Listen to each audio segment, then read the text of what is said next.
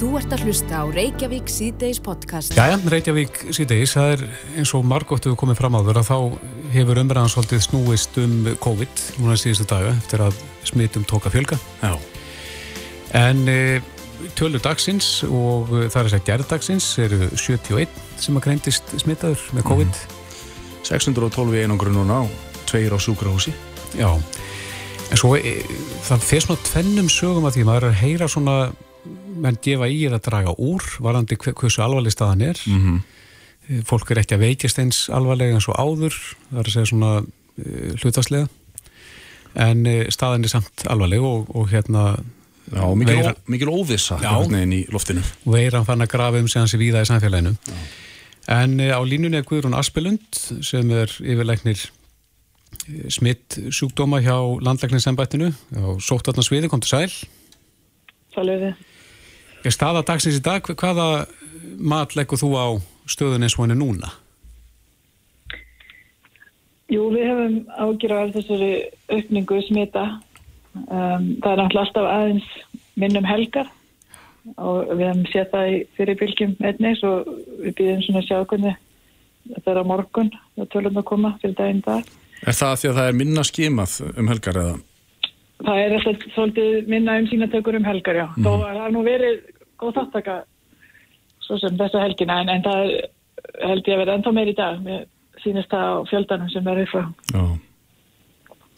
En eru, það sér fólk lengur úti með ein, eða einnkjörna lítið að smita. Er, er það munurinn á þessari bylgi og öðrum bylgjum að fólk var að greinast fyrr? Sko að verðist vera að það sé tölvöld um það að séu lítil engin enginni og þannig að fólk sé samt smitandi og þá hefur náttúrulega ágjörða því að, að, að þeir séu smitandi einstaklingar á ferðinu sem eru ekki færið sínatöku mm. reynilega því þeir sig auðvitað ekki á því að eru að þeir halda Og þá er miklu erfiðar að ná utanum smitinu þetta? Já, já, þá eru meiri líkur á að smiti fleiri mm -hmm. þannig að það gæti verið þetta að einhverjum ástæðum allavega verist vera að þetta aðbrið sem er núna ríkjandi að það smitist frekar, að mm -hmm. hver einstaklingur smitir fleiri. Já, en það hefur verið góðu gangur í bólusetningum, en, en hvað eigum við marga skamta núna sem eru ónotaðir? Já, ég er ekki með það nákvæmlega hérna hjá mér margir skamtar eru til, en, en það er til bólefni, þó að heilsugjastlan sé ekki að gera svona stóri bólsningadag eins og var, þá erum samt bólsetning í gangi og uh, síðan er alveg von á meira. Mm -hmm. En svona guður og miða við stöðun og svona alvarleika stöðunar eins og, eins og hérna aðverðlátið í fjölmjölum, væri þá ekki steinsanlegt að, að kalla fólku frí og, og hefja bólusetningar, að, að bólusetja þá í það minnst að þá sem að voru bólusetja með Janssen, sem hefur ekki verið að halda eins vel?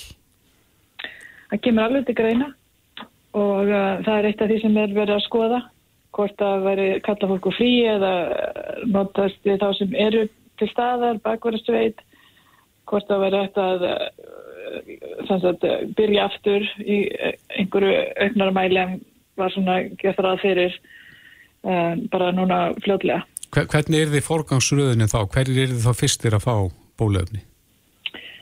Það hefur ekki verið tekið neina ákvarðun með það en, en svona líkleg en það er eins og þú nefnir það er að ljúka bólusetningu hjá sem þeim er kannski búið ákveða að, að þurfa að gefa meira eins og setni sprötu hjá þeim sem fengu eina sprötu mm -hmm. uh, skettir sem að fyrst að eru kannski ég ekki hætti í byrjun kennarar og aðri svona sem að væri hægt að, að veita forgang mm. Var aldrei að kennara fengju Janssen eða var, var það bara eftir fæðingarári sem að var farið? Það var alltaf hlutastlega meira í yngra fólki já og það var þá þar meðal En það er aðalega að tala um það að þeir sem fengu Janssen eh, getur þurft að fá aðra spröytu en er það eitthvað einn í myndin að þeir sem að fengu hinn bóluöfnin þurfa að fá jáfnvel þriðju spröytuna eða eitthvað slíkt? Ekki eins og er en þetta hefur verið rætt og er eitthvað sem er í skoðun en eins og er þá er verið að mæla með því um, fyrir ákveðna hópa sem eru í aukinni áhættu eins og ónámiðspældir einstaklingar sem hafa ekki svarað eh, eins vel. Mm -hmm. Af þeim sem hafa verið að greinast núna í þessari fjórðu bylgu, er eitthvað vitað um hvenar þeir fengu þessa uh, bólusetningu? Þar sem var hún farin að, að virka almennilega? Um, það er tölverta fólki sem er talið full bólusett og þá erum við miða við að þessu komnar tvær vikur eða meira frá að bólusetningu lög. Mm -hmm. Mm.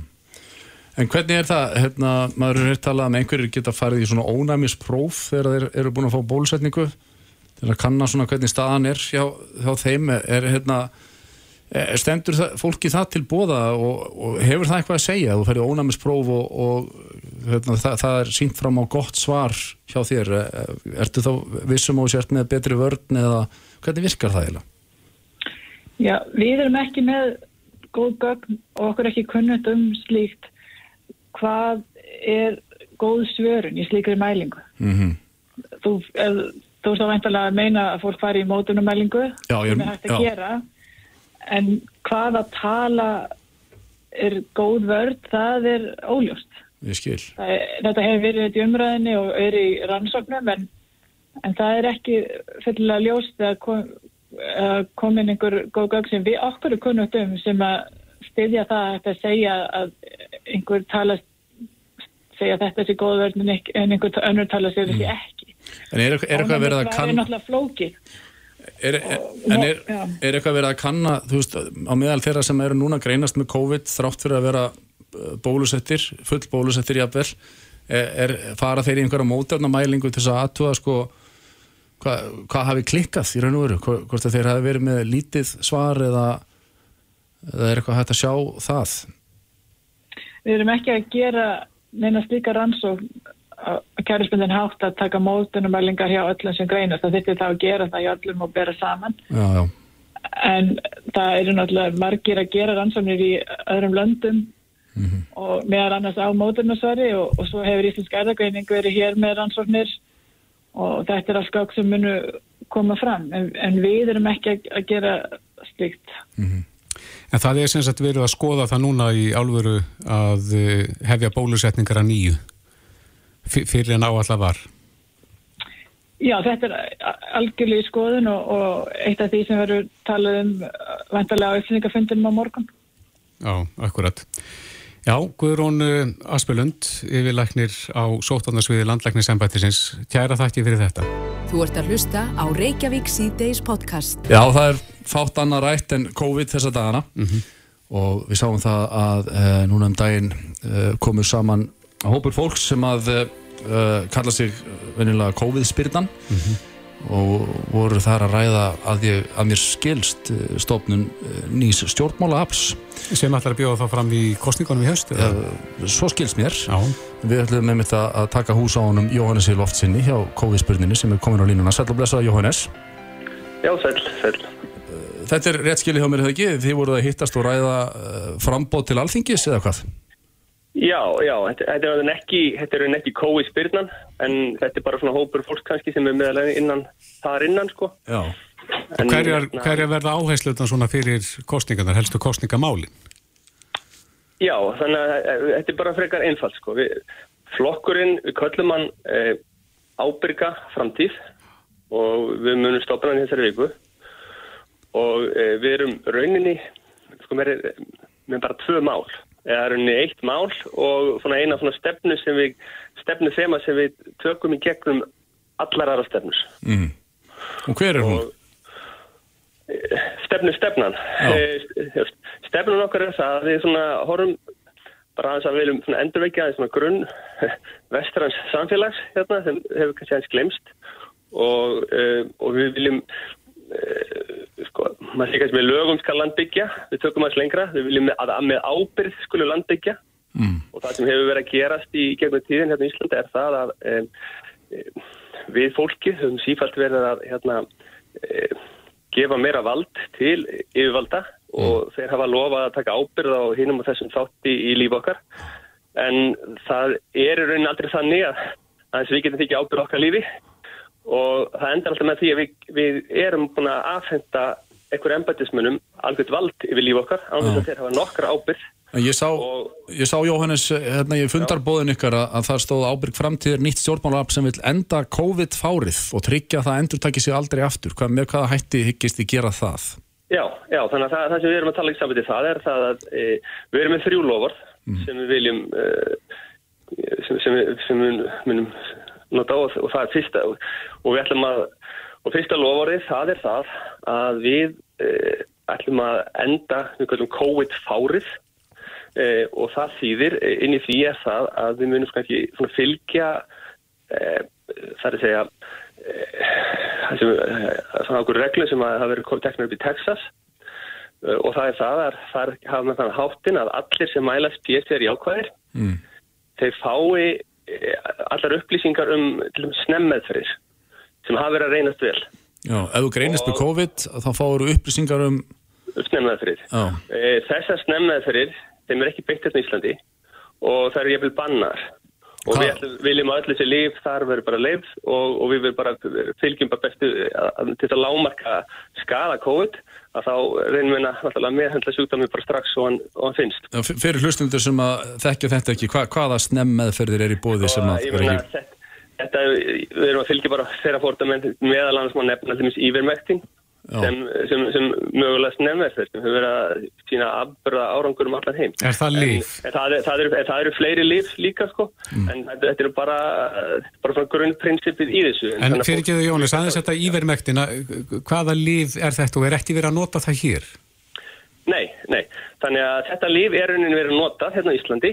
E, e, lækni hérna heitir Kalli Snær hefur verið að reyna að fá leifu fyrir þessu lífi og það gengið hálf ítla Og, og bara sem dæmi hvernig leifisveitingarna hafa verið er það að sko, hann hefur verið að stöði fárreina bara leifi á e, leifjastofnun fyrir leifinu og leifjastofnun á að taka ákvörun um slík en þeir hafa hafnað því á grundvelli þess að eitthvað sóstatalæknir e, hafnið því og grundvelli þess að og hann hafnað því að grundvelli þess að einhver ónefndur smittsjókdómalæknir á smittsjókdómadeild landsbytarnas hafnar því.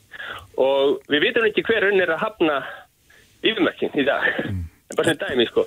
Og, og þetta líf sem bara sem dæmi e, þá var bara nýlega heyrði ég fréttum mikið af smíti sem var að gerast í Indlandi og voru stóra fréttur um alla fjölmjöla og þá var tekinnis að háttur upp að í sumuríkjum það ákveður að leifa yfirmerkin aftur.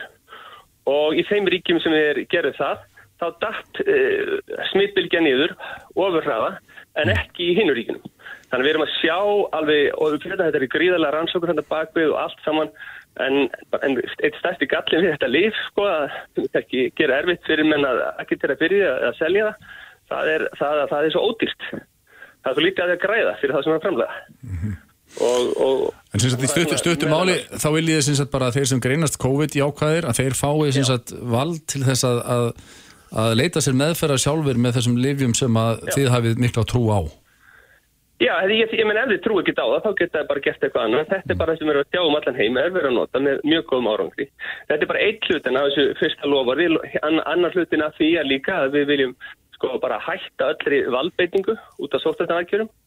Fólk berum alltaf bara ábyrðaðin lífi Mm. og þannig að við, við viljum bara horfa taldum til dæmis til aðfæra að fara í faraldursfræðingana sem sömdi hérna Greit Barrington uh, yfirlýsinguna, það má fletta því og sem gengur út af það að miklu harða fram en við gerum í dag að vernda þá vilkami eh, sem vilja láta venda sig. En, en bara leifa lífin að ganga. Þannig að hérna við sem geta valda gríðalum skada í samfélaginu eins og hérna hefur, hefur gert og hefur henni engin að vera að skoða Þannig að eitt af loforum ykkar er bara að afnema allar fjöldatakmarkanir alveg sama hvernig staða faraldusins er. Já, algjörlega, algjörlega. Hvað myndir það gera heilbríðistjárunni heldur og stöðun á spítalinn? Nú, nú er til dæmis landspítalinn á, á hérna, hættustígi. Já, ég menna það, sem náttúrulega þarf að gera það að heilbyrðiskerfi það bara getur tekið viðistu og það má náttúrulega bara, það er alveg sérstaklega hlusta á fréttara heilbyrðiskerfinu þegar hérna enga aðilar hafa meðalans að bjóða aðstóð sína til að auka sko, möguleika helbriðskerfisins til að taka við sjúklingum. Mm. Þá gerði til dæmis hausbyrginni fyrra að þá kom, eh, land, kom hérna, yfirmaður eh, landsbítalans með yfirlýsingum það, hausbyrgi var að byrja, að þeir væri verð undirbúnir undir hausbyrgina heldur en voru undir COVID voru þar undan. Þannig að sex mánuðum þá gerir landsbítalan ekkert til að verið stverða, til, til að auka afköft spítarnas. Þannig að þetta þarf náttúrulega bara að laga en, en, en hins að segja, sko, við vitum ekki hvað Greit Barrington gerir en líklega mun hann ég vil bara draga úr smittum að því að það sem gerist með Greit Barrington sem þarna styrðir í verund er það að smittin fara með, verða meira meðal yngra fólks sem fengi þá verið meðferð og, og þannig að það er, er, alveg óvíst að það myndi verða ómikið álag á spítalans sko. Og, og þetta var fyrsta lofórið, hvað, þið eru með Já, þrjú... ég bara klára, við klára það lofar það, við, þetta bara að enda COVID-bárið við- og þessi mannendabrott er í kraft þessa. Og við náttúrulega segjum algjörð nei við bólefnapassa og þessum, þessum landamæra mælingum og við segjum líka hérna algjörð nei við tilrauna bólusetningu á börnum sem veru ósjálfráða. Fólk þarf náttúrulega að vera upplýst að það sé að taka tilrauna bólefni sem getur haft ófyrir sér afleðingar eins og við erum að sjá núna þegar til dæmis fjöldi kvenna er hún alltaf farin að vandamál með blæðingar og við erum að sjá þessi hérna Já. En byrjuðu þið ætla að segja nei við bólu þið ætla að segja nei við bóluefna passa ég meina, hva, hvað þá með fyrir Íslendinga sem vilja ferðast til útlanda og, og, og það, alheimurinn er náttúrulega ekki á þessari þessari línu sem að þið eru með þegar þeir vilja fá bóluefna vottorð og svo framvegis Já, ég menna, við, við getum alltaf getið ráðið yfir öðru löndum en Já. bara hér í Íslandi verður einhver, einhver slíku beitt einhvers líka beitt en fær fólk ekki bóluefna passa að það fer í bólusetningu Jú, jú, maður það getur gert það. það það er bara kemur skilt við, við erum ekkert að fara að breyta neinn fólk getur haldið áfram öllu sem það vil en við erum bara ekki að fara að þvinga neina aðgerð á neina hér á landi og hver eru lofur 2 og 3 síðan? Já, lofa 2 og 3, lofa 2 er að það fari- fari fram gagsæ rannsókn á, á þeim, því sem átt við stað. Uh, annars er það til dæmis á þessi mögulegu stjórnarskrárbrotum sem hafa átt við stað og þessi vafaðri gagvað stjórnarskráni eh, bara ríki beiti sér fyrir því að þetta fara einn eða átt fyrir dómstóla og dómstóla úrskurði. Það er alveg óþólandi, við erum einhverja réttar óvis. Við vitum ekkert hvort að þessir 50.000 sem hafa fyrir í sótkví hafi verið þetta löglega ekki menn getur ekki bara verið að vera að fylgja lögum í þessu landi. Og þetta með, með lokun fyrirtækja og, og svo framvegis að, Já, já, já, menn þú getur ekki, maður getur ekki bara tekið fyrir hendi stefnu af því að einhver er í hraði að taka ykkur ákvörun og margar þess ákvörun hafa verið illa röp studdar og, og til dæmis þegar við, kóðspyrnan var til dæmis að byggja um uh, komið umsókn með sóttatalögur þá fóruð fram að það að allir sérfræðingur, allir ákvörðun, þær eru rök studdar vegna þess að það er að tala mikið með að með, meðalhósreglu og þú getur ekki haft meðalhósreglu ef þú neytar að skoða skada aðgerðina sem þú getur mögulega gert og það er bara er aldrei gert. Nei, en ótrúlegt. rétt aðeins að þið verum að falla á tíma Já. Eh, Þið áætlið að bjóða fram til alþingis heldur þú að ykkar skoðanir eigi upp að pallborið hjá þjóðinni? Bara það kemur í ljós. En ég ætla bara að segja bara öskot frá hérna því því ég tala svo lengi ég ætla bara öskot, bara en, endur þetta. Þannig að setni hlutin er það að fara frá gagsa rannsókn á þessum aðgerðum sem átt sér stað var- varðandi, varðandi skadan aðgerðunum. Og, og þannig, að, þannig að við hérna við fáum að rýna það og, og öll gögg sem má byrta verið ekki omber og að lokum þá er síðasta lofvarð okkar, þetta er allt ófrávíkjana lofvarð, er það að við viljum að útvarskjaldið að það sérkur einstaklega fá að ráða til hvað fjölmiðis eða mögulega menningar efnis, Mm. e, það er enni. Ok, er, það- kemur það eitthvað COVID-málum við? E, já, algjörlega. Ég meina, við, höfum, við vitum það öll sem við verum mótmæla hérna er það að það hefur verið gríðarlega aðför að málfrælsinu hérna í Íslandi og mikið af upplýsingum sem ég hef verið að byrta er eitthvað upplýsingar sem að rauninni hvað rannsóknarblæðum sem við hefði að geta fundið sjálfur. Og það er bara engin rannsóknarblæðum í Íslandu, það er lítið gaggrinni á yfirvöld. Og sá fjölmenni sem virðist að staði sig hvað verst í að upplýsa almenning um til dæmis um hættuðuna bólefnum áður en bólefnum fór sér fram og kannski íta undir hræðslu út af COVID er því miður e, ríkisútarpið Og ef við, ef, við, ef við settum upp þessa reglu, þá myndi ríkisútarfið strax byrja að bera ábyrð gagfætt áskrifundunum og þeir myndi strax mjög fljótlega breyta efnistöku sínum og, og vera, vera með miklu ábyrgari umfjöldum. Það er nefnilega það. Þetta er knappur tími fyrir ykkur, eru þið þá að fara að manna lista í öllum kjördæmum og svo framvegis? Já, þetta er, við hefum aldrei gett þetta áður. Við- Þetta er svona rússipanna þar, við bara sjáum hvað þetta fer og bara, þetta verður bara spennandi. Já. Það er mikið góður, mjög góður undirtektir og er alveg, hópurinn er að vaksta mjög hrætt núna sko út af þessu. Þetta er stjórnmálaaflið ábyrg framtíð. Ok, takk. Já, takk hérlega fyrir spjallið, Jónas Lófsson. Já, takk fyrir. Hlustaðu hvena sem er á Reykjavík C-Days podcast. Hérna fyrir sumar að þá heyrðum við í Steinari Marberg Egilsinni meindiræði og tókum stöðun á geitungum og það var, hafði ekki mikið farið fyrir geitungum svona fyrirpart sumars. Nei. En um, það hefur ná- náttúrulega farið að líða á sumarið og það er spurning hvernig staðan er í dag. Ég hef sem betur fyrir sjálfur lítið orðið var við þá Já, en ég hef svo sem ekki verið á neinu ferðalagi heldur nei, ég var ekki búin að sjá þá ekkert einasta geitung síðast ég talaði við hann Steinar en svo hitti ég daginn eftir. Já, En eh, Steinar er á línu, kom til sæl. Hvernig er staðan núna, rúmum mánuði síðar?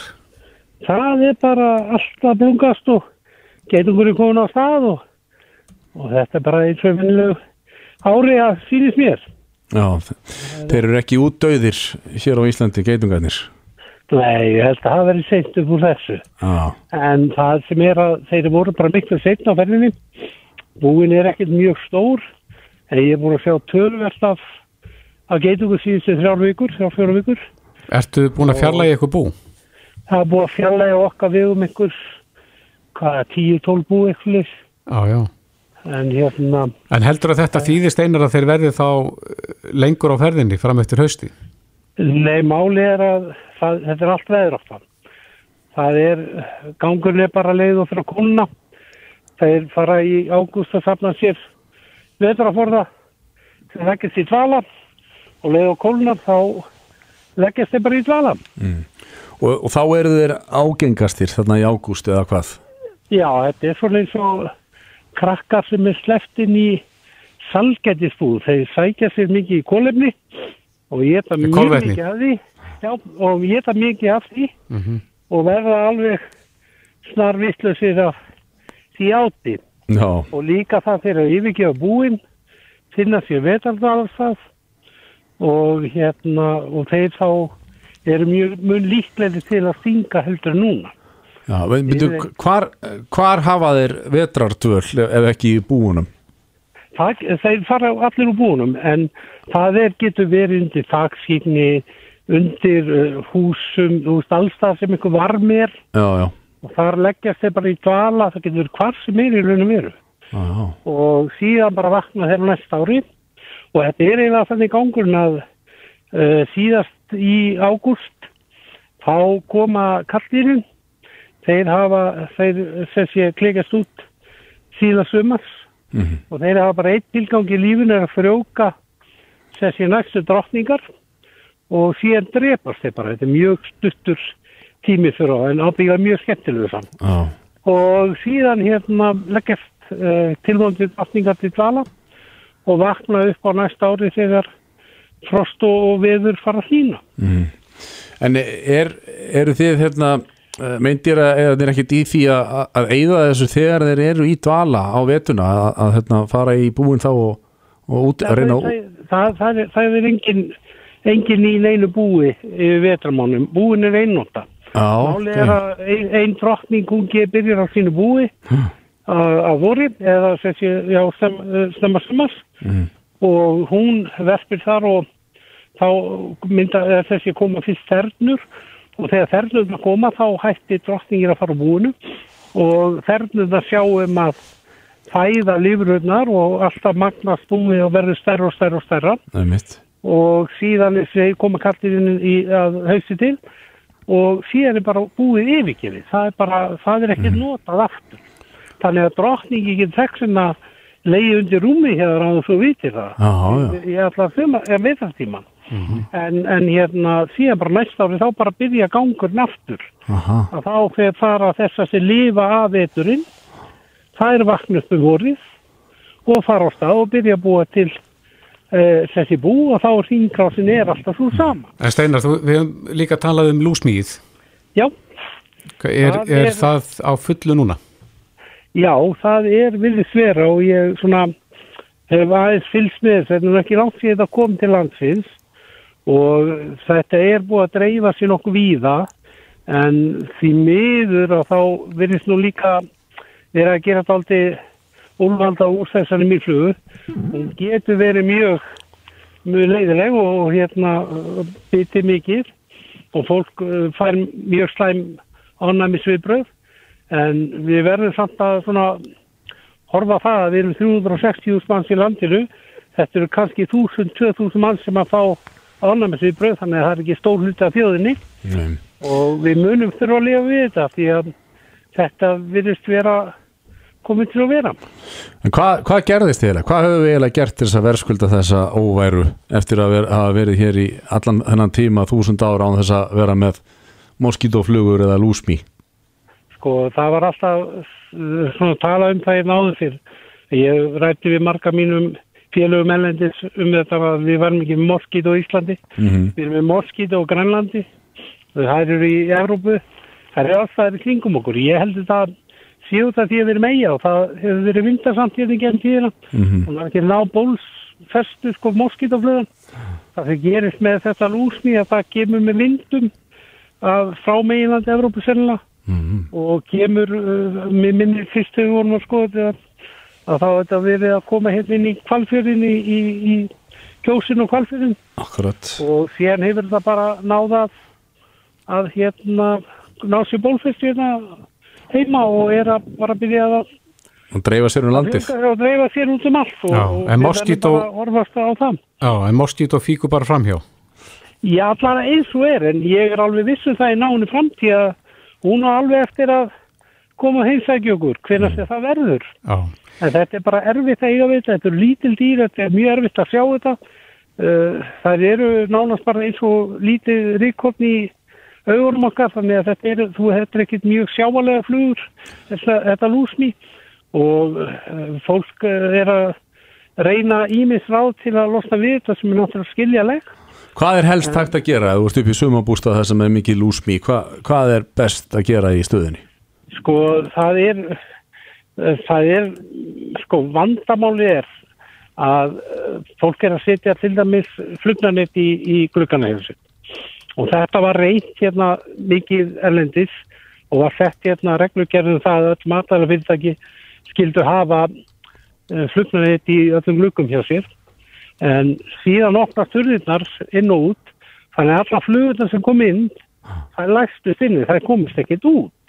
Þannig að ég held að gáðulegast að er að hafa lokað glugga sína dags og á kvöldin og næturnar. Við erum með þeyfingu á, á, á lofti, viftur eða annað fíli.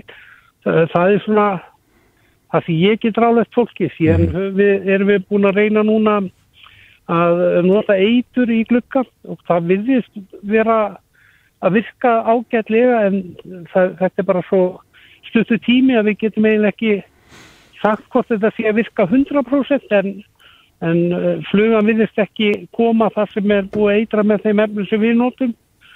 Og er, eru þá drepa það sem er ekki er hættu lítið fyrir okkur en, en þeim drefur alla flugur.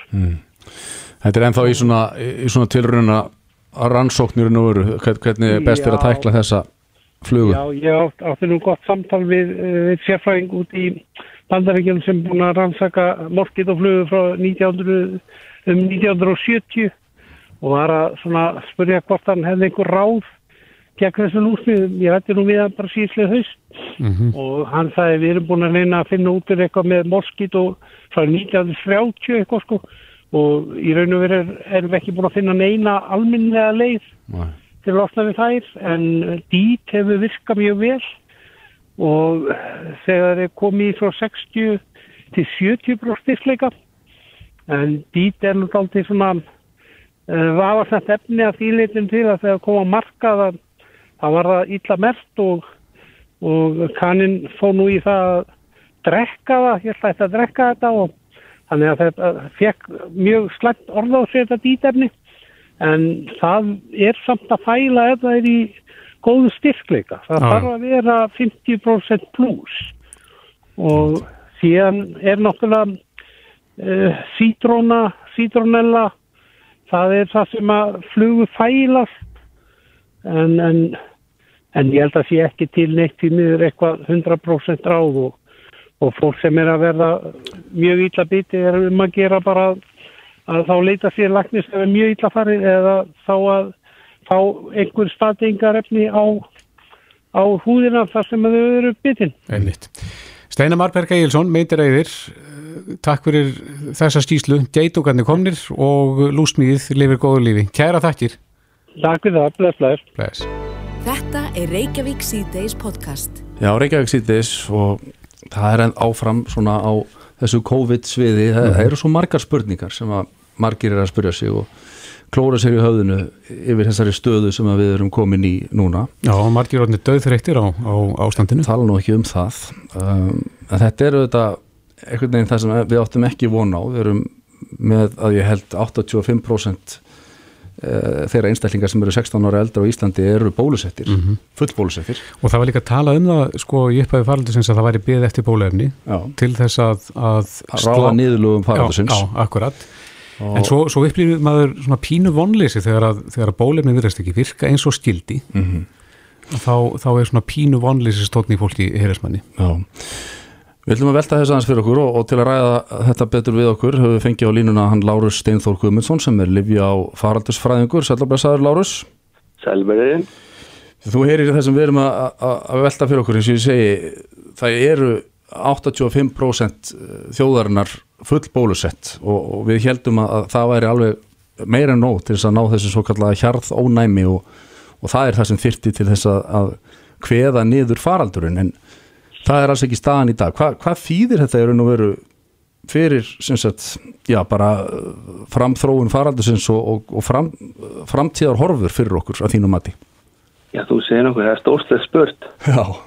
Það er hérna, já, sko, sagt, í, í það fyrsta, sko, þá getur við sagt að svona almennt um bólusetningar að þá ertur rauninni að reyna að hitta skotmark sem er á hreyfingu.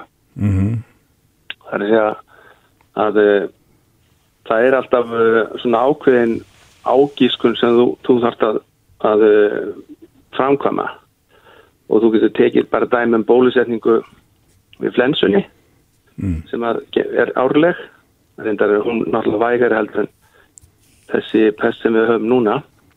En það er svona ágættis líking þar að segja uh, fyrir bólusetningu. En uh, það, sem, það má ekki gleymast að, að hérna, uh, aðal markmið með bólusetningunni það er að koma í veg fyrir döðsföll og innlagnir á spítala.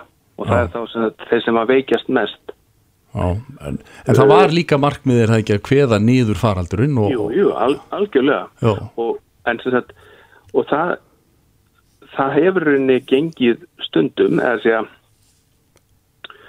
ef við höfum ekki opna núna landamærin þá væru við bara í góðu málum núna. Já, segja, ef við höfum haldið áfram að, skima svona bara svipað á og ímins löndi hafa verið að gera eins og þess uh, uh, hérna, Nýja Sjálandi eða Ástralía eða eitthvað fliðis jú, jú. að þá, þá væru við bara með faraldurinn algjörlega und- undir kontról eins og þú segir. Já, og væru með þjóðháttíðum næstu helgi og svo framvegis. Algjörlega, algjörlega. En- En, en, bólefni eitt sér, um, það er kannski svolítið bratt að, að segja að bólefni eitt sér muni hérna duga bara um aldur og æfi. Það er að segja, núna, er, er, það sem er að smita núna, að það er nýtt afbryði og, og það, kem, það mun alltaf koma ný er að segja af veirunni. Mm Og En, en, það- en hugmyndin, svona- það er auðvitað eins og þú segir, með, með bæði fjöldatakmörkunum og landamæra skimunum og svona, þá, þá má halda þessi í skefjun, en, en við heldum, uh, okkur var talin trúum það, að, að með því að bólusetja uh, að fullu eða sagt, ná þessu hjarðónami, að þá gætu við slaka á þessum, þessum, uh, hérna, þessum kvöðum öllum sem við höfum búið við, en það, þýðir þetta þau raun og veru að við séum bara að fara að búa við einhvers konar takmarkanir um, um ókomna tíð? Sko, það, það getur enginn svara því. Nei, Uh, sko, í fyrsta lagi þá hvernig þróast veiran, það er að í hvað átt þróast hún? Og, og hérna og sem sagt uh, hluta, hluta vandanum er að þeir eru ekki, þeir sem eru smítandi, mm, að þeir eru ofta ekki með sínilega einkenni. um mitt það er hluta vandanum og, og sem sagt, ef við tökum bara einhverjar svæstnar veirur þar sem þú ert með svona hýta og það blæðir úr, úr hérna bara eirum og nefi og, og þá forðast allir slíkan einslæling þá er nú hugsun svona einhverjar eins og ebólu eða eitthvað slið sko sem, er, sem er svona verulega skæð vera og, og hérna hlutaði á hverju hún nær sér ekki á, á strik ef, ef svo maður segja er að, að hún er henni annars vegar mjög banvæn og hins vegar að einstaklingu sem smitast að hann, hann hérna leggst og, og verður veikur og er ekki að þvælast um. Já, Þannig að kostirnir og, við, og þannig, að, að, að það er svo sínulegt að einstaklingurinn er veikur já, þa- þannig að kostirnir við bólefni sem er að draga úr þessum alvarlegu áhrifum er líka að vinna gegn okkur. Nei, það var það raunni þannig fyrir sko og, og ég hef ekki séð tölur það er að segja svona uh, hvað við segja, það er eflust búið að byrta, byrta eitthvað greina en nú er ég bara í sumafleifi þannig ég hef ekkert verið að liggja yfir þessu Mm. en, en það, það var alveg í upphafi sko, hluti sem líka Já, Já, að smita. Og það var rauninni hlutaði á hverju gekk svo illa að, að ná tökum á þessu. En þeir eru kannski fleiri núna. einkennalausir. Með, með bólöfnin Já, se- sko þeir eru fleiri að því leiti að þegar að við slökum svona á landamærunum að þá fáum við fullt af fólki. Og ef við mælum það ekki þá sagt, eh, er, er, er yngar ástæðanir teknar allir fara bara úr tve- tveimur metrunum og niður með grímuna og hætta þó sér og allt þetta. Þannig að þá gera slutinni hraðar. Þannig að En við höfum úr sögunni dæmi þess að bólusetningar hafi sko útrýmt ákveðnum sjúkdómum uh, hérna, mjög jákvæð og góð dæmi þess. En já, ve- það, verður það ekki hægt í, í tilfelli SARS uh, COVID-19 veirunar? Sko, þetta er, þetta er, þetta er snúin spurning. Það er að segja, eh, ef við segjum sem svo að hún veiran myndi þróast í það að verða hérna, meiri, að þú fengir meiri enkenni Mm. og meiri og sínilega enkenni þá er auðveldara fyrir okkur að sjá hverjir eru veikir og, og, og svo framvegis Mhm. og uh, mögulega er þið auðveldara þá að, að vinna buguðanni ef hún verður svona vægari þróast yfir, í að vera vægari þá gætu nú á endanum orðið svona einhvað í líkingu við uh, svona ástíðabunna Flensu.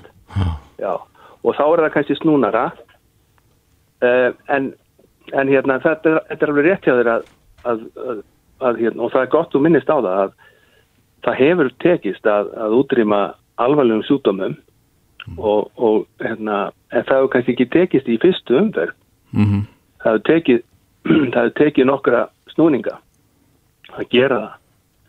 Þannig að, þannig að ég, sko, ég, ég ætla ekki að segja þessi, þessi útiloka en allavega á meðan að svona stór hluti er einkenna laus og er að smita það, það er einnig svona snúnast að ísu Já, en það má lítja sig við að við séum í slönguspilinu og við höfum þurft að fara nokkra reyti aftur. Hva, hvar eru við stattir í spilinu? góð spurning um, ég myndi segja sko og mér langaði einmitt að nefna það að, að hérna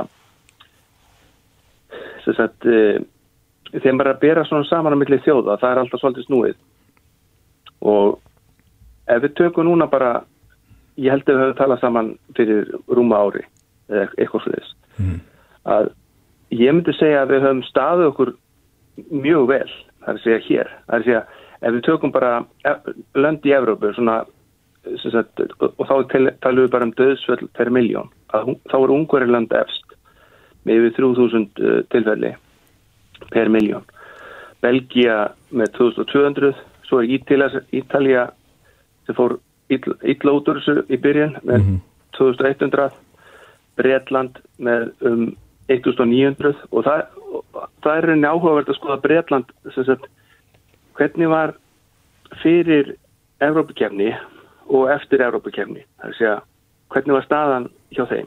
Já, þá er hún versnað eftir Európa-keppnina. Já, ég, mér sýnist það að, að þeir hafa fengið góða bylgi eftir, Já, eftir það sko. En sem sagt svo er spátt með 1700 per miljón Mhm.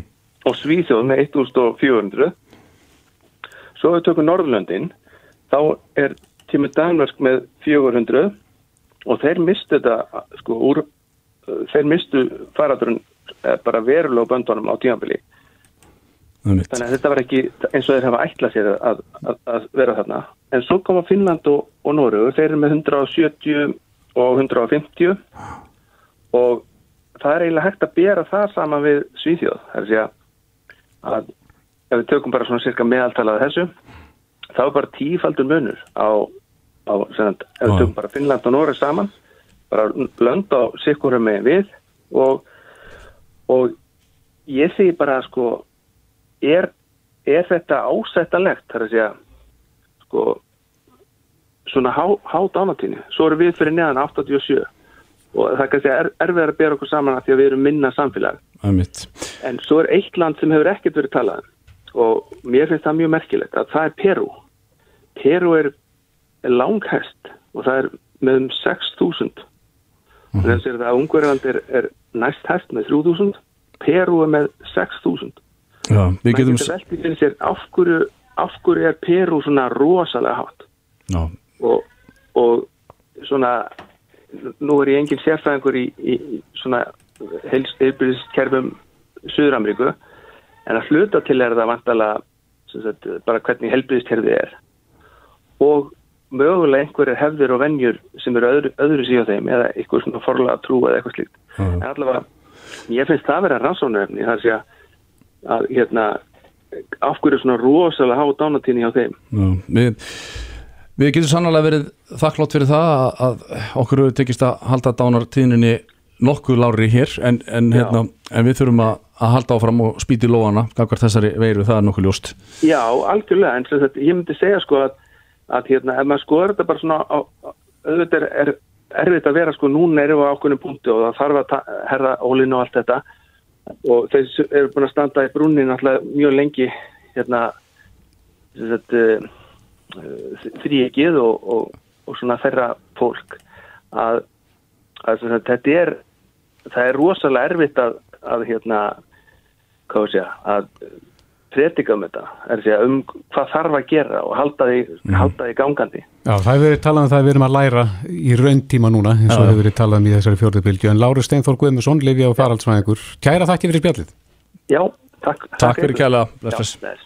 Reykjavík síðdeis á bylgjunni. Hér á förnum vegi hittum við mann sem að já, hefur hugað að því starfsins vegna hvernig hlæðslu stöðum verður fyrir komið eh, á byggðu bóli hér á höfuborgarsæðinu fórstöðumadur rafitunar er hann sannarlega hann Jóhannes Þorljósson og eh, já, hann er bara hér úti í gardi að, að spóka sig með, með afkvæminu og, og, og það er bara í ágætis veðri. En, en það er þetta með hlæðslunar á rafmagsbílana, þeir eru nú kannski já, það er framtíðin og, og e, verður þetta, við vitum þetta er í, bílskúrum sem að eru sér tengingar við það að, koma rafmagni á bílinn en, en svo eru fjölbílishúsin, þá, þá eru svona kannski áhöldum það hvernig hvernig það er og hvernig það á að vera. Geta menn hlaðið alveg ótvírægt allar sína rennir eðar, bílana alla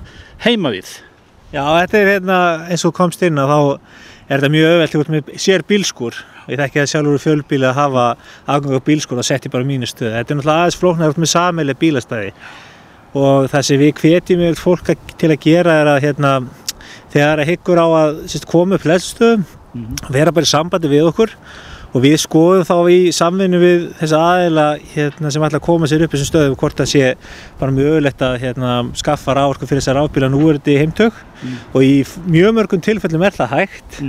Og ef ekki þá erum við með sérstök ákvæði gjaldskrafni varandi það að þá stækka heimtögin á hérna, aðeins hóflegra verði eða þá koma upp auka heimtögum. En það sem er þetta að koma okkur og óvart kannski er, er hver aflþörfin er lítil og þegar maður tala um lítil þá erum við kannski að segja að hérna eins og ég keirir afbíl sjálfur og ég er svona hlaðan kannski einu sinni tvisar í viku. Og þau getur ímynd þau komið fjölbíli þú veist það er ekkert allir að stinga í samband á sama tíma og sumir er jafnvel ekki bíla. Þannig að oft í umræðinu þá, þá er það svolítið svona eins og allir ætla að vera með tíu eldavélar heima á sér. En það er kannski ekki alveg mál og það sem við höfum sagt í veitum það er að hlaða allar afbíla en það er bara ekki hægt að hlaða alla í einu en það væri það hérna það væri bara óskynsalegt, það væri svo byggja vegi fyrir alla bíla sem varu höfbruksvæðinu Eh, nú heyrir maður það að, að eh, þetta er partur í því kannski til þess að já, auka virði sinnar fastegnar, það er, það er beinn aðgangur að, að, að rafurmagni. Já, algjörlega, ég held að það sé tvímannlust mikið virði fólki í því að hafa aðganga rafmagni heim fyrir þegar sérstaklega þegar fjölbílshús eru búin að klára dæmið og ég bara, ég, þegar maður kerir rafbíl þá veit maður hverja frelsandi að geta bara hlaðið heima og, og kert að staða þurfi ekki að fara út á bensinstöð og svo kaupir maður alltaf eitthvað sælgæti og annað svona á bensinstöðinni sem við kannast við. Þannig að þetta er tvímannlust eigu verið fastvegnar að, hérna, að, að vera búin að ganga frá þessu málum. Og það eru hérna sko markarinn í dag fyrir þessar aðeins sem er að bjóða upp á þessar hlæðslulusnir, hann er að vera mjög þroskaður. Og þeir, það er um að gera leita til þessar aðeila og fá til þess að hérna skoða í, í samvinnu hvernig er þetta að koma upp hlæðslulusnum heima við? Eh, Það er hægt að gera eh, stíga félspor í, í því nema að hafa tæknilega ráðgjöf, ekki satt, ég- að, að rafurmagni dugi. Já, ég myndi allavega að mæla með því að, að, að tala við svona þjónustæðilega hlæðslulusna því þeir eru það með tækni þannig að stöðan að tala saman og þá getur þú stýrt álæginu miklu betur og þá var það þannig að þú veist, þú keiri þá niður aðeins álæginu nokkur stöðum til þess að hérna, yfirlist ekki heimtöðina því að, að, að þú veist að stækka heimtöðu það, ekki- það er ákveðin kostnar í því. Og með því að bara nýta kerfi sem best þá, þá, þá við að veitum að við getum lækkað gjaldskrona þannig að bara með hérna, skinsamri nýtingu á kerfinu þá þurfum við ekki að grafa jafn mikið upp og þá getum við hérna, sérst, lækka gjaldskrona þannig að það er okkar, okkar vonið standið þess.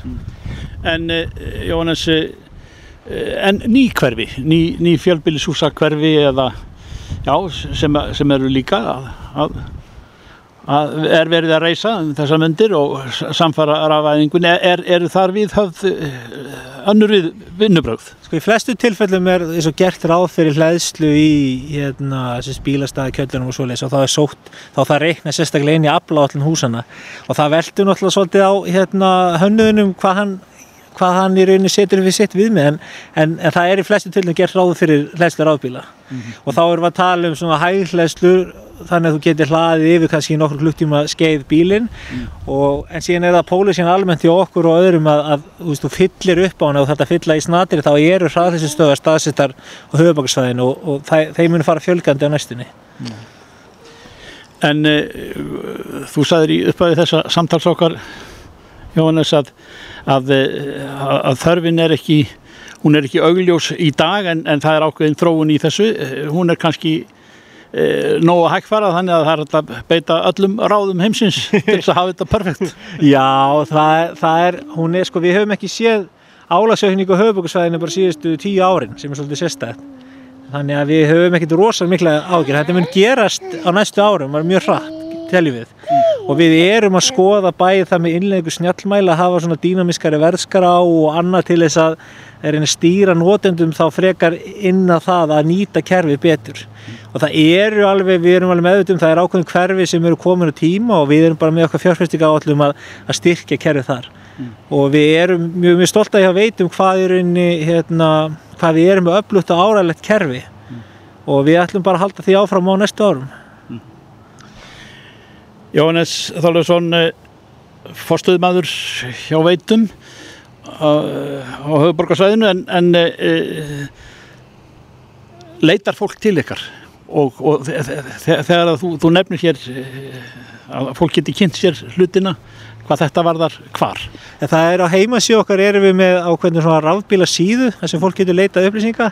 Svo er fólki frjálst að senda bara fyrirspunna á okkur eh, og svo eru við náttúrulega sko, fjölmargir aðalega sem bjóð upp á svona lausnir sem er bara um að gera að hafa samband við og svo eru hérna rosalega virkar síðar á hérna fjesbókinni þar sem eru hérna mjög fróðir aðalega sem eru ofta fræðum hín á þessu hluti Þannig að ég veit að bara ég hef leitað á okkar sjálfur þegar ég hef verið að velta fyrir mér að kaupa nýjan bíl sem er rúmar allar fjölskyldum. Þá eru svona aðeinslega sem að kynnt sér þetta sem benda mann á bestu lausninar.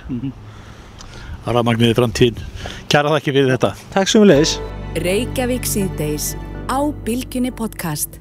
Við sjáum það í fréttum dags að eh, fæðingum hefur fjölgað. Já, það er talað jafnvel um COVID-börnin. Já, var... að Íslendingar séu þá sprækar í COVID. Já, einhver, einhver, einhver merki um það. Já, Arnar Haugsson, doktor með fyrirvændi yfirleiknir mæravendar er á línu, kom til sæl. Komið blessaðir. Já, hvað heldur að hafi valdið því að, og valdið því að, að hérna, fæðingum fjölgar svona mikið núna?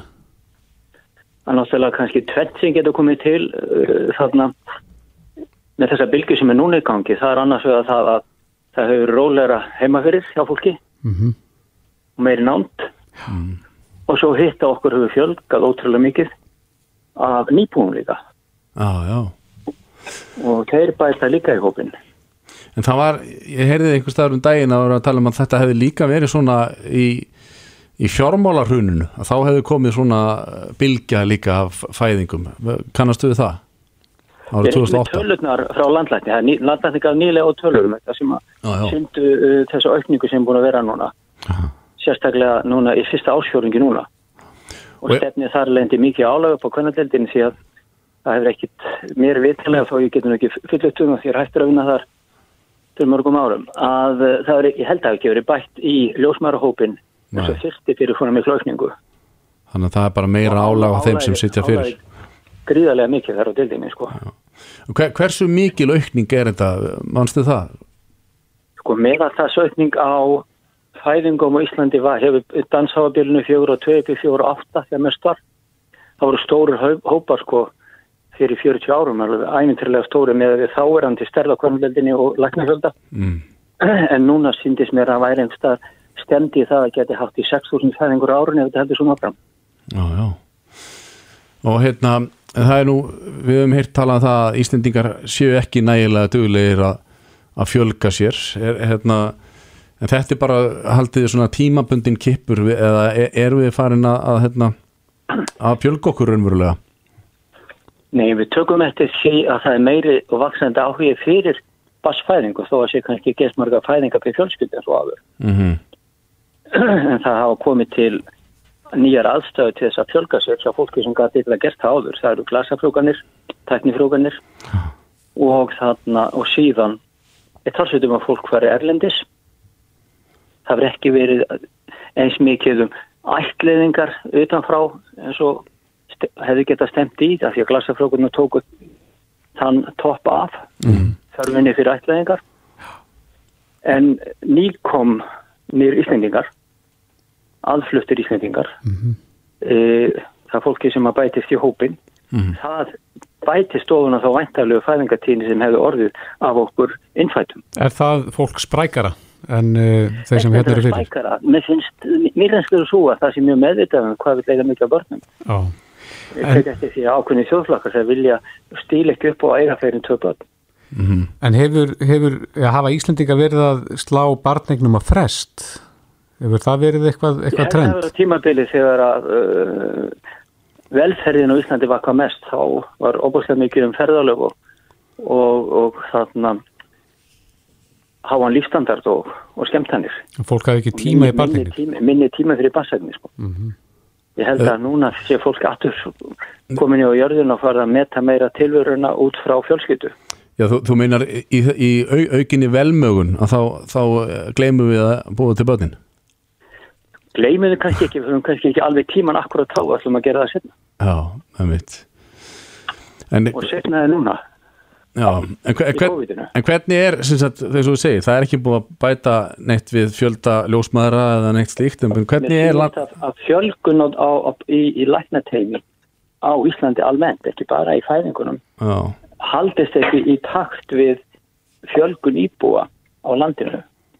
Mm. Við höfum verið mjög dugleg þjóð að, að, að, að, og kannski ekki nóga duglega, samt duglega að flytja inn mikið af nýbúum mm. og flóttafólki, þar sé að fólki sem leita hér skjóls.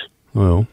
En þessu fólki hefur ekki fyllt leikskólakennarar, kennarar, langskólakennarar, innmyndunakennarar, skólar, Nei. húsnæði, mentun og fyrir bræðið þá vex álæð á helbriðkerfi langt umfram það sem að menn hefur getið gert ráð fyrir eða eru undirbúið þess að þetta líka sko. Já, þetta er góða punktur. En hvernig gengur heldur að, taka á mótu þessum, allir þessari aukningu núna með með þessum hérna, já, litla mannabla sem að þið hafið þó Ég held að við höfum gríðarlega gott heilbyrðtarsfólk og Mhm. við erum með mikið fjölda af sjálfstæðstelvandi ljósmaðurum, mjög duglegur og, og, og effektívar en allt þetta fólk þarf náttúrulega kvöld og, og, þarna, og tíma fyrir endurmentun og sín eigin fjölskyldu. Ég held við klárum þetta alveg, ég held að það sé ekki það. Ég held bara auka álæði sem fylgir þessu þurfa að bæta upp með aukinni fjölda starfsmanna. Já, en þegar við höfum talað við í gegnum tíðinarnar þá höfum við stundum rætt um ófrjóðsimina. Já, Er það eitthvað að skána? Er, erum við að verða frjóri? Við erum ekki að vera fröri en við erum fann að taka betur á vandamálum sem valda ófrjóðsemi og það hjálpar helling til. Er, Bæði fyrir kalla og konar sko. Í dag eru til för- mörg ráð til þess að aðstofa pör sem eiga erfitt með að verða þungan og hafa áður átti balleysastíða með þarna, allavega lífagjöfum, jafn kalla sem konur. já. Og þar erum við þarna framalega í meðferðum.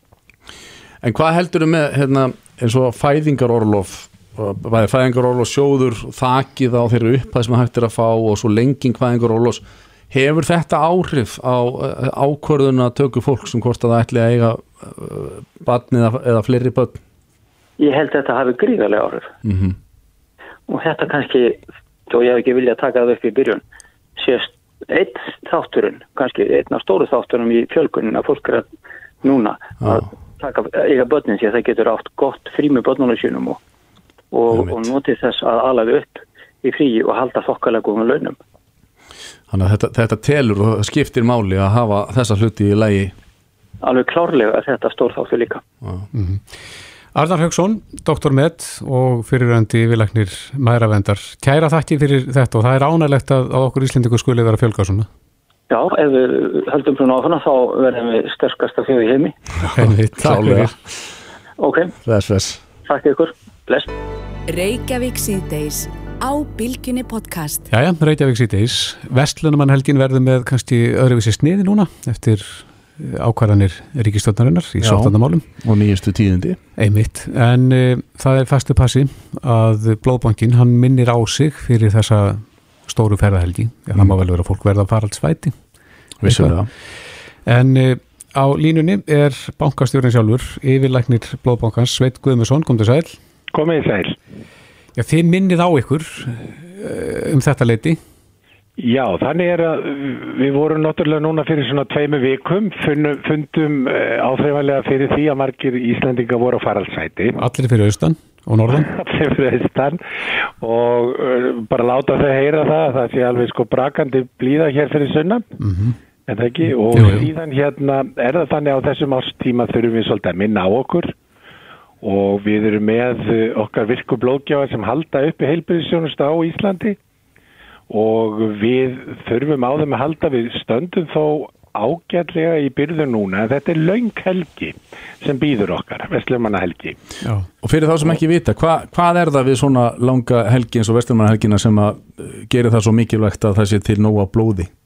Það er kannski það sem við höfum líka lært í löngum COVID-faraldri að þau byrjum 90% af blóðhlutanótkunni heldur áfram sama hvað tautar og raular. Það eru fastir í viðskiptöfinni blóðbankan sem þurfa að halda vegna aðgerða, það eru krabbamissjúkdómar, það eru börn, það eru konur í fæðingu og allt það og svo notkun heldur áfram en á meðan helgin er launga þá erum við ekki með neina söpnun. Já, já. En e, nú er oft talað um skimanir og, og hérna mótefnamæling og annað slíkt. Hefur spilað það eitthvað rullu í starfsemin ykkar? Það er að segja ef að, ef að eh, einhver sem er ekki með mótefni fær blóð með mótefni, hvað, hvaða þýðingu hefur það? Ertu þá hugsa um COVID? Já, ég er auðvitað um COVID, fyrir ekki, ég held að... Nei, það- við, við erum bara með reglur um það að eftir bólusetningu að þá er, er, er, er hérna erum við með uh, litla pásu Já, og síðan þess að mælum við er það öðruleiti hefur það ekki neina sérstaka þýðingu fyrir þennan feril. Þannig að all flestir eins og núna er eh, geta komið þráttur eða hafa verið bólusettir Mhm. og, og, og setur ekkert strík í reikningin hvað það varðar. Ég sé það að þið, eh, þið takið það fram sérstaklega að það sé mikilvægt að sem flestir vanir blóðgjafar komi í blóðgjöf. Hva, hver er munurinn á, á vönum blóðgjafa og, og þeim sem er óvanur? Já, það er kannski það að við gerum svipað eins og blóðbankar á Norðurlöndunum í fyrsta sinn sem að blóðgjafi kemur til okkar að þá erum við umvel að fræðan um, um ferli, taka blóðflokkun og veiru skimun og sem að við vitanlega síðan endur tökum við allar blóðgjafir. Og þetta er ferill sem tekur svolítið tíma þannig að það svona háana tímum hjá okkur eins og við sumarið e, og í aðdraðanda svo leysa þá minnum við sérstaklega á okkur hjá það sem við kallum virkir blóðgjafar sem hafa gefið hjá okkur áður. Þekkja ferillin og við þekkjum þá og, og síðan er, getum við verið með átak þessi millum þar sem við erum að kalla eftir e, nýjum blóðgjöfum Mm Já, já. og það má svona vænta þess að, að hérna að við getum svona verið í miklu betri aðstöðu þess að taka við mörgum nýjum blóðgjöfum svona þegar að mesta sumartörnin er liðin en þeir eru þó enga síður velkomni líka núna. En svo, hvað geymist blóð lengi? Sko venjuleg rauðkott sem við notum oft og fólk lítur á sem svona blóð að það geymist í sex vikur. Síðan framleiðum við blóðflögur sem eru notaði til þess mikið við krabbaminsmeðferð og það geymist í eina viku, sjö daga og síðan er, eh, getum við frist plasma sem er kallað blóðvökvi og þannig geymist það í tvö ár. Þannig að þetta þarf að vera stöðugt reynsli.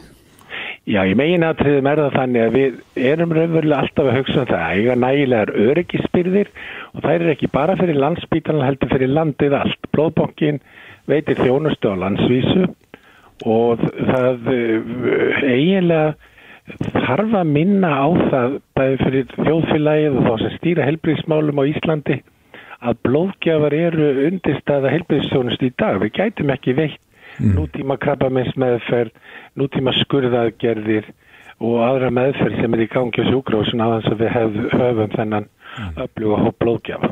En hver er svona meðal velta blóðbankans á einu mánuði? Hva, hvað er að koma mikið inn og fara út á svona tímabili? Sko við erum að sapna svona um það byrjum 10.000 einingum ári og það eru þá um 800 á mánuði en þetta er auðvitað þá sve- sveiflur í þessu. Uh, Það getur verið mikið notkun á tilteknum tímum og minni og öðrum tímum. Hvað er einingin? Er það lítir eða? Og það, við tökum frá blóðgjafanum 450 millilítra þess sem við kallum helblóð. Já, já. Úr því vinnum við blóðhluta sem er þá rauðkotnaþykni, uh, blóðflögur og plasma eða blóðvökfi. Og þetta er þá unnið úr þessum 450 millilítrum og líka með síðan endur nýjar þetta aftur, bæði byggir upp í járnbyrðir, uh, endur nýjar uh, þær frumur sem um er að ræða. En þurfið, þurfið þá að vera að fá alveg 800 blóðgjafa í hverju mánuði um það bil?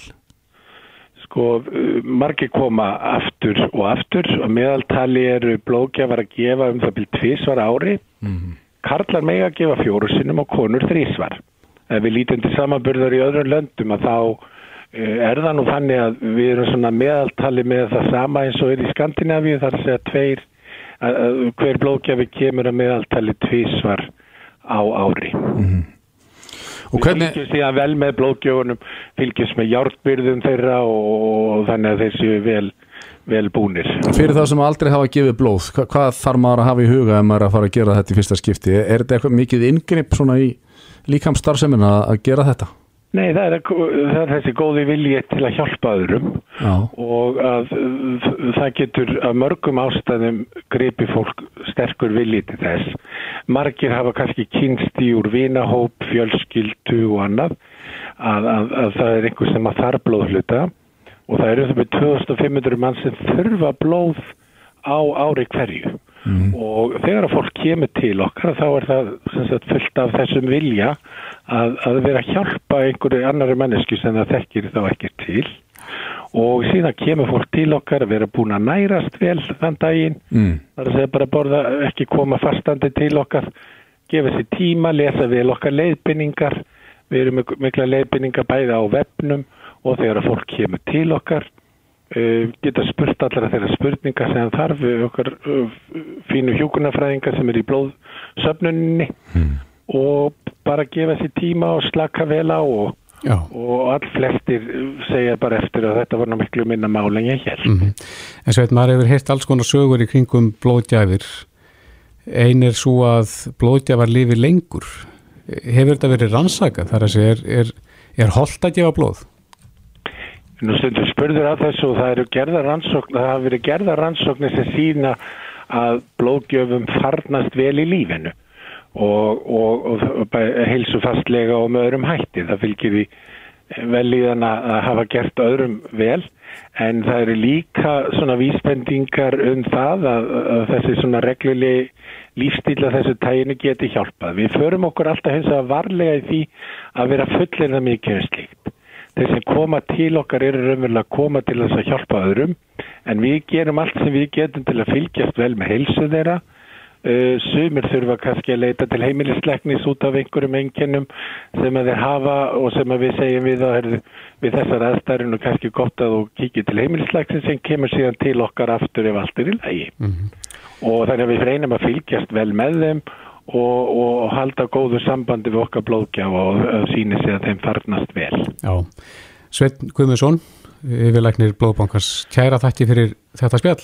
Takk eitthvað fyrir og bara minna fólk á að muna eftir blóðbankanum áriðum kring líka við sem að Gerum það, takk, takk. takk fyrir. Fyrir En við skulum vonað sem flestir svarið þessu kallið frá blóðbankanum. Já, við erum að gera, við erum að hérna, hafa nót til Já. fyrir þá sem þurfa á því að halda. En við fyrir að segla í mark hvað á hverju. Ég var ekki aðeins réttins nöggvast áður við skiptum yfir á hrettastúðuna á Amaliðsbönnin Já, því ekki. Ég sé að meistari Mick Jagger á Amalið dag. Já, hinn sí ungi. Já. Og hvað ætla að sé gammal? Já, fættist þennan dag 1943 sem því að hann er 78 ára Já. í dag. Nú Helen Mirren, hefur hún ekki fyndið ykkur að tigg Jú, hún er allavega á það alveg inni. Ef hún, er ekki búin að fá hana nú þegar. Æ, stórleikonun og Kevin Spacey annar stórleikari eh, á aðmæli dag. Akkurat. Og Sigga okkar Beintins Sandra ja. Bullock svo einhverju sem nefndir og svo Sævar Helgason gítarleikarinn, knái. Og hinn stórmerki svisnenski sálfræðingur Karl Jung fættist Já. á þessum degi árið 1875 Einmitt. það er bara svo leiðis En við félagarnir þökkum fyrir okkur í dag Frosti Lóðarsson, Þorgir Ástvalds Pétur Almundar og Kristófer Helga. Við verðum hér aftur á ferðinni á morgun klukkan fjögur. Verðið sæl. Þetta er Reykjavík C-Days podcast